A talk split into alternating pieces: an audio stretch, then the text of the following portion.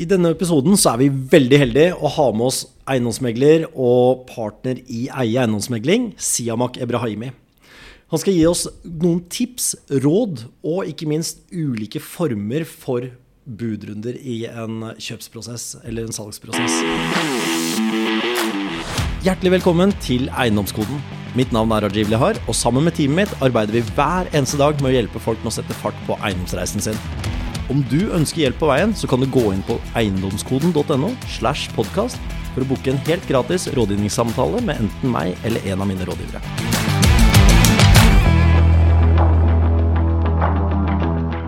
Skal du investere i eiendom, kjøpe første boligen din til å kunne bo i den selv, eller en eh, sekundær eiendom som du ønsker å leie ut f.eks., så havner du fort vekk inn i en budrunde.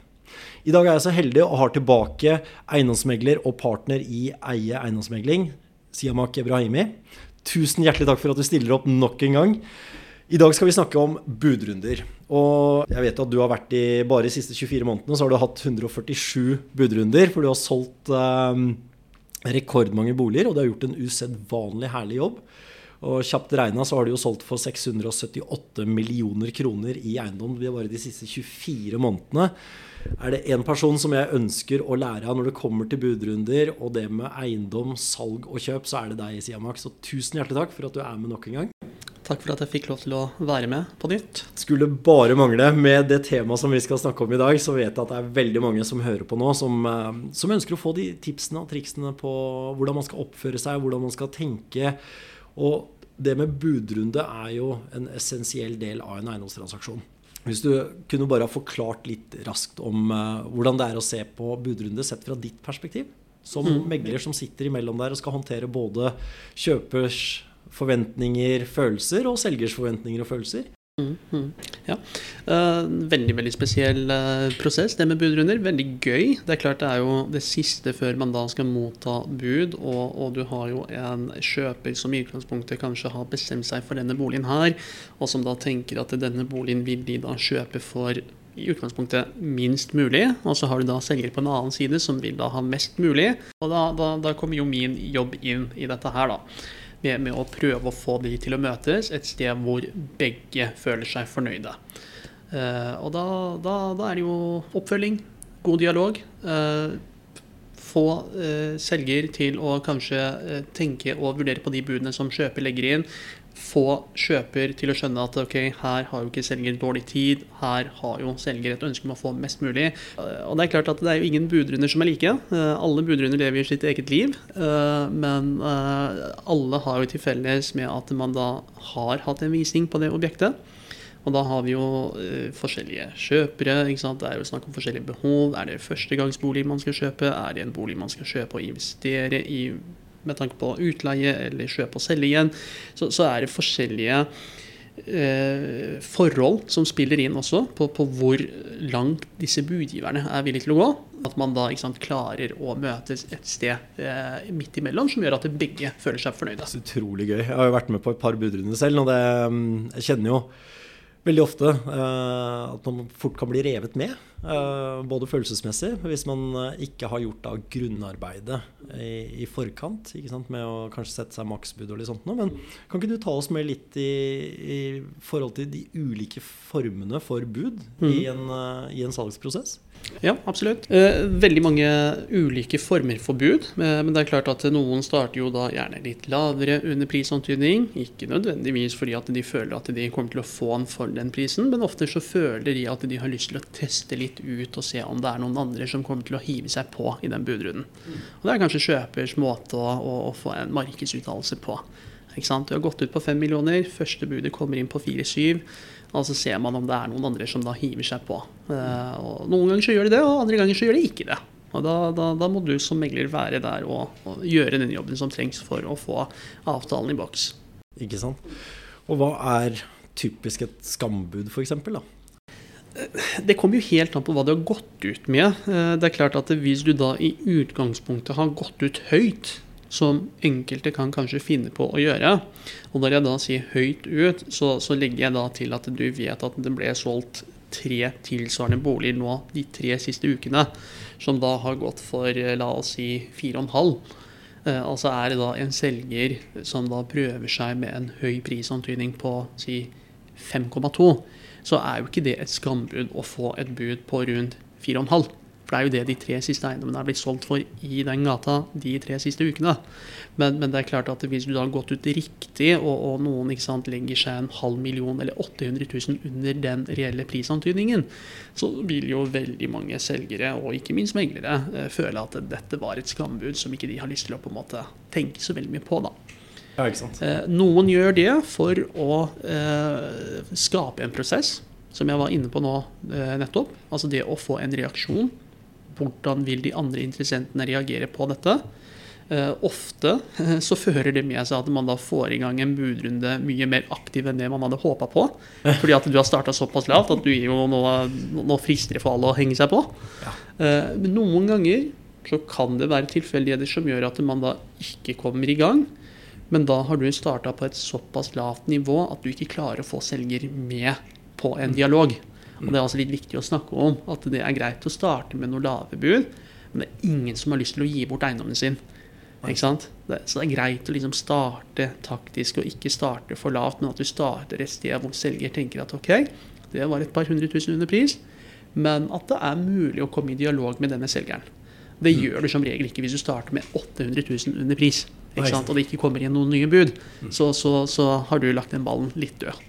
Ja, ikke sant? Hva er neste steget der, hvis man havner i en sånn scenario? Kan selger komme med motbud, f.eks.? Kan gjøre det. Kan ja. gjøre det. Men der er vi også inne på det om det da er fristende for selger å komme med et motbud når første budet er 800 000 eller 500 000 under pris. Da vil jo jeg som megler også heller ikke anbefale å komme med et motbud når man er så langt unna. For da føler jeg jo at differansen er litt for stor til at vi kan da begynne å tenke på motbud. Mm. Uh, og, og, det er jeg veldig ærlig på overfor kjøper. Om at uh, sorry, her har du starta altfor lavt. Uh, jeg får ikke selger med på et motbud, men ja, om, om, du prøver igjen, som de gjerne skal få lov til å prøve igjen, så, så, kan det godt hende at de da kommer på et litt høyere nivå, at man da vekker litt interesse hos selger. For da sender du også ut de riktige signalene om at vet du hva, jeg, jeg, jeg ønsker en dialog. Ja, ikke sant? Ja. Hvordan er det med sånn teknikaliteter når det kommer til budrunder f.eks.? Altså, hva er lov, hva er ikke lov? Er, er, det noe en budgiver bør tenke på, da? enten som investor eller mm.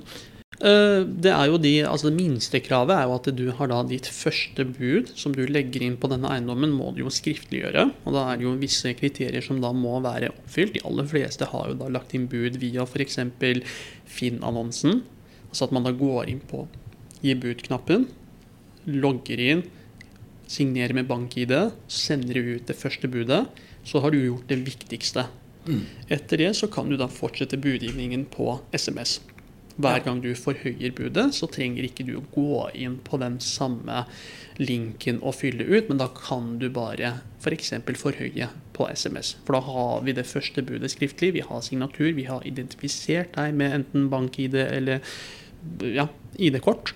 Ja. Eh, så, så, så, da har du på en måte gjort det. Eh, og da, da kan man jo i utgangspunktet eh, legge inn nye bud, men det er viktig at man forholder seg til det som da er minstekrav også, som f.eks. minstefrist på de budene. Mm -hmm. Om du har hatt visning på søndag, og det er budrunde på mandag, så vil jo alle bud stå til minimum klokken tolv dagen etter siste annonserte visning. Det må du jo forholde deg til. Så du kan ikke komme på banen og si at vet du hva, her legger jeg inn et bud som skal stå til klokken 11. Da har ikke jeg som megler lov Nei. til å formidle det videre. For det er kortere enn klokken 12 dagen etter siste annonserte visning. Exactly. Eh, så det, det, må alle forholde seg til. Mm -hmm. Når vi da passerer 11.30, så kan man heller ikke komme på banen og, og legge inn bud 10 på 12 og si at det budet står i 10 minutter. Nei. så, så, så, du må forholde deg til en minstefrist, og hos oss i Eie f.eks. så er den satt da konkret til minimum 30 minutter. Ja. ja og det, det syns jeg er, er, en grei minstefrist, fordi at du skal jo ha tid til å følge opp interessenter med dette budet her. Du skal få tak i selger. Mm. Ofte er det to selgere som er på hver sin kant. Altså, greit nok med minstefristen på 30 minutter. Så disse tingene må man jo da forholde seg til som, som mm. budgiver og kjøper. Hvordan er det med f.eks. finansieringsbevis? Er mm. det et krav om at det skal sendes inn ved første bud, eller er det noe du sjekker inn Ikke nødvendigvis at man da har et finansieringsbevis som sådan. eh, For de aller fleste har jo ikke lyst til å fortelle megleren eller vise megleren at så mye har jeg å bruke, og det skjønner jeg veldig godt. Jeg anbefaler ikke noen kjøpere å sende meg et finansieringsbevis, men det er et krav til at vi sjekker finansieringen på denne kunden. Og det de trenger å gjøre da, det er å skrive, kont skrive kontaktinfoen til den personen de har snakket med i banken. Det holder med å skrive at det, det er eh, Johan i DNB, telefonnummer 04800. Så ringer jeg inn og, og, og, og, og spør etter denne personen, og da spør jeg om vedkommende har f.eks. finansiering i orden på det budet de har Ja. lagt inn. Så jeg som megler kan ikke ringe til bankkontakten til denne kjøperen og spørre hvor mye han eller hun har i finansiering. Det er ikke innafor. Eh, Jeg ringer kun på det vedkommende har lagt inn som bud, og spør om det er OK. Og da kan da bankkontaktpersonen svare ja eller nei på det. Ja. Hmm. Det var nytt for meg også, at ikke du Mm. kunne spørre om det, faktisk. Men det Det, er- det, er, det er jo ikke helt etisk å, spørre om det. Ikke sant? For da, da vet du sant, hvor mye denne personen har å gå på. Det er ikke sikkert at det er en informasjon som denne kjøperen ville ellers ha delt med deg. Så altså, jeg har ikke noe eh, interesse av å vite hvor mye du har å gå på. Men, men eh, jeg sjekker jo selvfølgelig hva du har lagt inn bud på, om du da er god for akkurat det du har lagt inn bud på. Ikke sant. Mm. Er det andre ting som man eh, bør tenke på inn, i en budrunde? F.eks. det med forbehold. Kan det være, hva slags type forbehold er det Forbehold, vanlig? ja. Mm. ja. I utgangspunktet så er det jo avtalefrihet. altså Du kan jo egentlig ja, legge inn forbehold om rubbel og bit. eh, men så er jo spørsmålet er det så lurt å på en måte gjøre det så komplisert for en selger. Eh, spesielt i de tilfellene enten du er en privatperson eller en investor som ønsker selvfølgelig å lande en avtale, så er det jo veldig greit å tenke på at de forholdene dine ikke blir såpass kompliserte og vanskelig å forholde seg til at det er fristende å takke nei til deg som kjøper. Mm. Men eh, typiske forbehold kan være i de aller fleste tilfellene, i hvert fall når det er snakk om privatpersoner, så er jo det Kanskje forbehold om at taklampe over spisegruppen følger med, fordi at den eh, likte de veldig godt på visning, Mm. eller at eh, ja, eh, enkle ting i leiligheten står igjen eh, som kanskje ellers ikke ville da ha vært en del av avtalen. Det kan være møbler, det kan være interiør, det kan være ja, Ja. lamper, belysning. Eh, det er jo veldig greie forbehold. Det er på en Mm. måte sånn ja, greit å få med en vaskemaskin eh, i, i, i en leilighet som da er i femte etasje uten heis. Det er jo ikke fordi at kjøperen tenker at her skal jeg få ut mest mulig, men tenker kanskje at vet du hva, det hadde vært veldig deilig å slippe å bære en vaskemaskin fem etasjer opp uten heis. Ja? Uh, Riktignok veldig deilig for selger å slippe å ta den ned også, så, så det er jo vinn-vinn. så, så, så det er sånn typiske greie forbehold, men i det øyeblikket man begynner å komme med litt mer kompliserte forbehold, uh, så kan man gjøre det valget veldig komplisert for selger å si ja til. Og som kjøper så er jo ikke du interessert i å gjøre det veldig vanskelig. Du, du vil jo gjerne inngå en avtale, og da, da er det greit å ha det litt i bakhodet. Eh, med kompliserte ja, forbehold så kan det være f.eks. at noen legger inn bud med forbehold om at dette er et lukket bud som bare skal gå til selger. Mm. De aller fleste blir jo litt sånn Oi, hva, hva gjør vi nå? Hva er dette for noe? Eh, og det er en grunn til at folk gjør dette her. Eh, Det er jo fordi at de ikke vil at det skal bli videreformidlet til de andre på lista, som sitter og kanskje vurderer å komme med bud. Mhm. Så de ønsker på veldig mange måter å, å, å ja, kuppe boligen, da, uten at de får den muligheten til å komme tilbake med høyere bud. Stemmer. Ja. Hvilke scenarioer er det en fordel? For? Jeg vil, jeg vil faktisk si at det ikke er noen fordel noen gang. Fordi at det skaper så stor eh, hva skal jeg si, usikkerhet for selger at Mm. det vil sannsynligvis motarbeide deg som kjøper.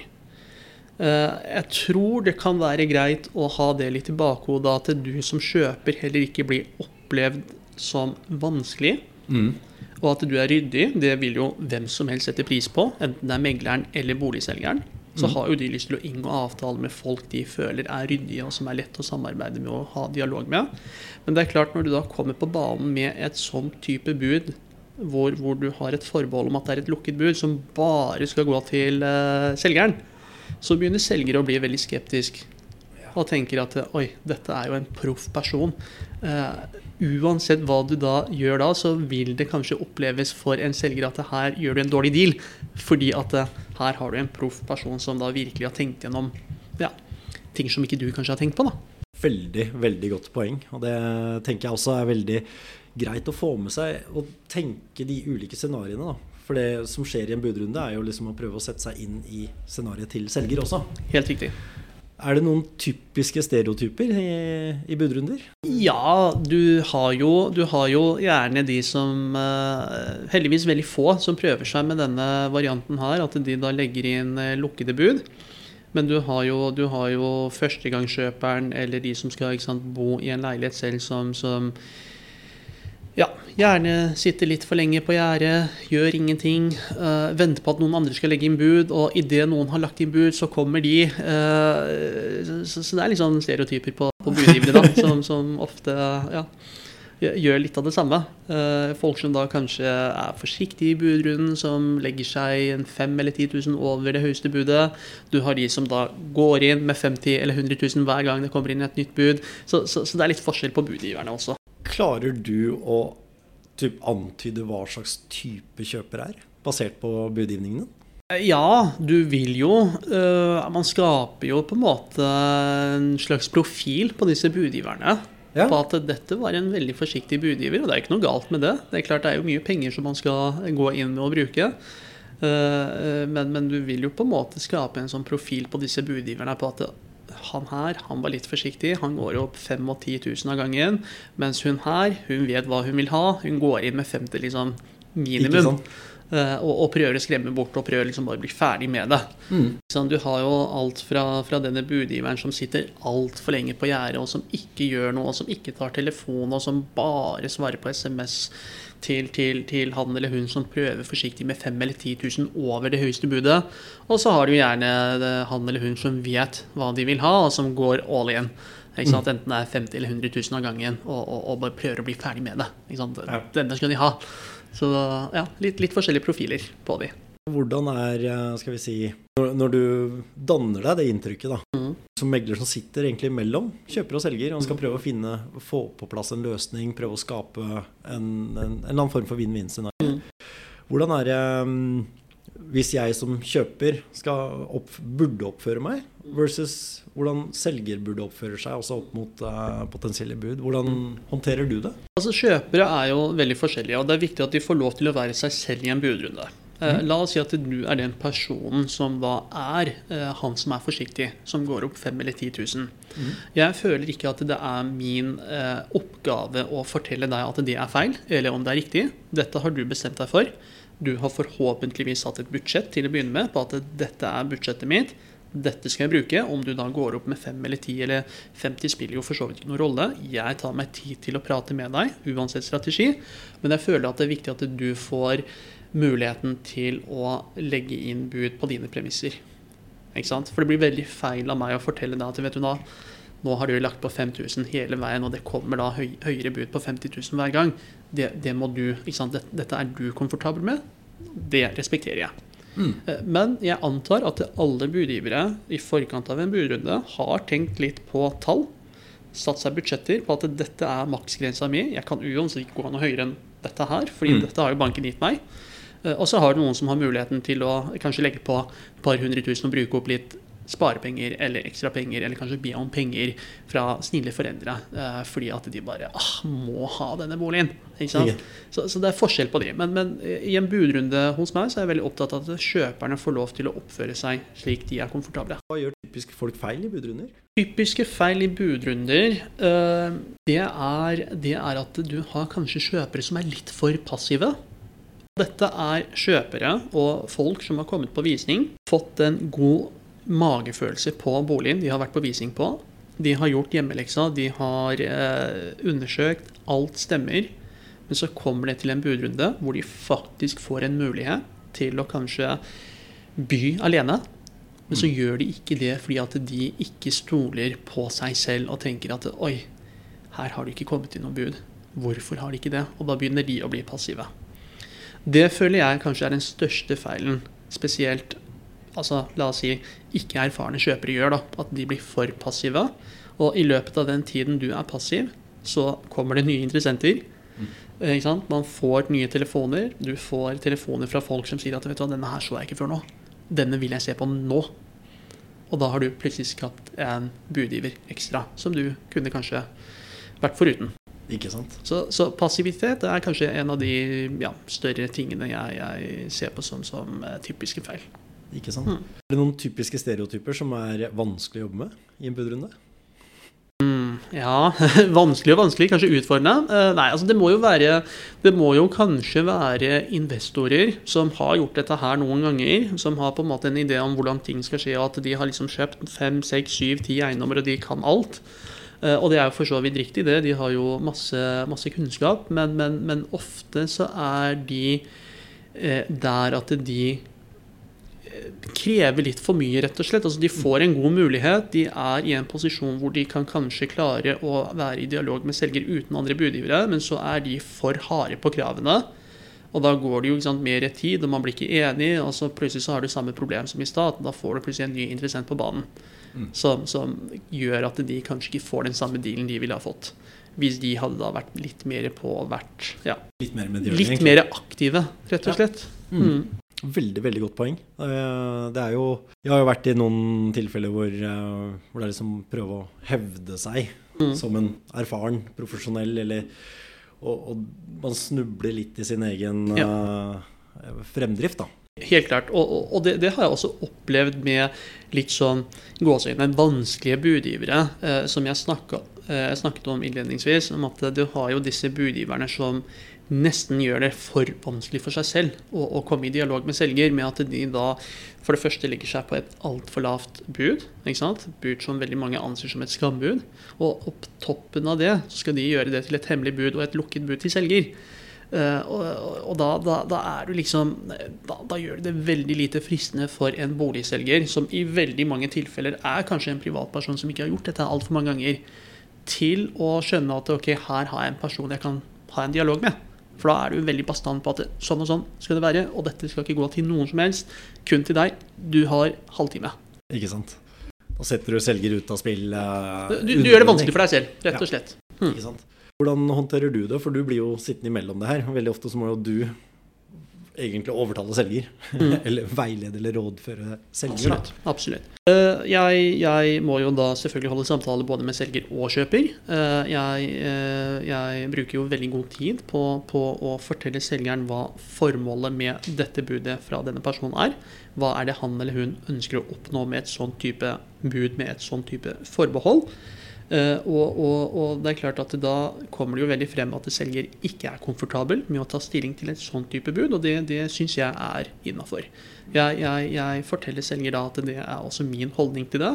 At dersom vi nå først skal vurdere et bud, så bør det være et åpent bud, f.eks., som da går til de andre. For det er klart at Selger har jo ikke gjort dette her altfor mange ganger heller, sannsynligvis. Så selger er jo også opptatt av en liten markedsuttalelse fra de andre som er på lista. På om ok, er dette et bra bud? Er dette et dårlig bud? Får vi noe høyere? Får vi kanskje ikke det? Sant? Så Sånne type ting er viktig. Og da, da prøver jeg å fortelle dette her til denne budgiveren. Om at eh, det du gjør nå, gjør det veldig vanskelig for meg å, å på en måte få dere nærmere hverandre. Men ofte så er de liksom ikke interessert i å høre på det heller, fordi at nei, vi skal gjøre det på den måten. Og da, da kommer man ikke noe vei, da. Det blir vanskelig å gjøre jobben din, egentlig. Ja, da, og, og- det er klart at da, da kommer man kanskje ikke eh, ja, i mål med denne kunden, men da eh, er jo ikke det eh, nødvendigvis noe verre enn at man da har en privatvisning samme dag eller samme kveld eller dagen etterpå, og så har du plutselig fått i gang en budrunde med to stykk, sånn, som gjør at prisen blir mye bedre enn en det kanskje selger kunne kanskje vurdere å tenke seg å selge på, fordi at det ikke var noen andre da. Mm. Har du noen tips hvis du snur på bordet og tenker som selger? da? Mm. Er det noe man kan gjøre for å gjøre livet lettere for en, skal vi si, en som har utvikla eiendommen, eller ønsker å pusse opp for så å selge? Er det noen tips der sånn på hvordan man Er det noe man kan gi med? Er det noe man kan være smart på? Ja, altså da tenker jeg det at eh, hvis kjøper er en, en investor som skal kjøpe dette her for å pusse opp og selge igjen, mm. så tenker jeg at da kunne f.eks. Altså de kjøperne som da har mulighet til å f.eks.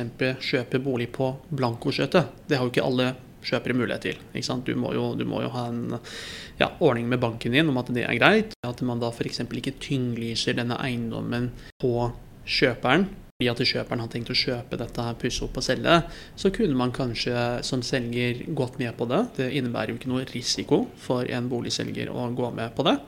Eh, samtidig så, så, gjør det det lettere for kjøpere å gå opp enda høyere bud, fordi da slipper de å betale 2,5 av ja, 5 mil, 6 mil, 20 mil. Eh, som er sparte penger, og som de kan kanskje bruke heller i budrunden. Mm. Eh, det er noe av det første som faller meg inn. Ja. Eh, som en selger kunne kanskje vært litt mer mottakelig for. Eh, og det er klart det er jo litt opp til megleren hvordan man legger det frem. Hva betyr det for deg, kjære selger? Eh, mm. Og hvis du da er en god nok megler og en god nok rådgiver, så klarer du å formidle det til at det er faktisk ja, OK. Helt OK løsning. Ja. Mm. Akkurat det med blankoskjøtet er jo veldig opp til hvor dyktig megleren er. Mm. Eh, altså min erfaring. Um, der går det jo på hvor enkelt man kan forklare det for en selger, og hvor mm. beroligende mm. det kan være for selger. For i utgangspunktet, så det, det, man sparer der sånn, er jo tid, behandling og dokumentavgiften. Mm. mm. Hvis man da har tenkt å bare utvikle eiendommen for å, for å selge igjen, da. Og det var vel kanskje mer vanlig tidligere enn eh, en det det er nå. Stemmer.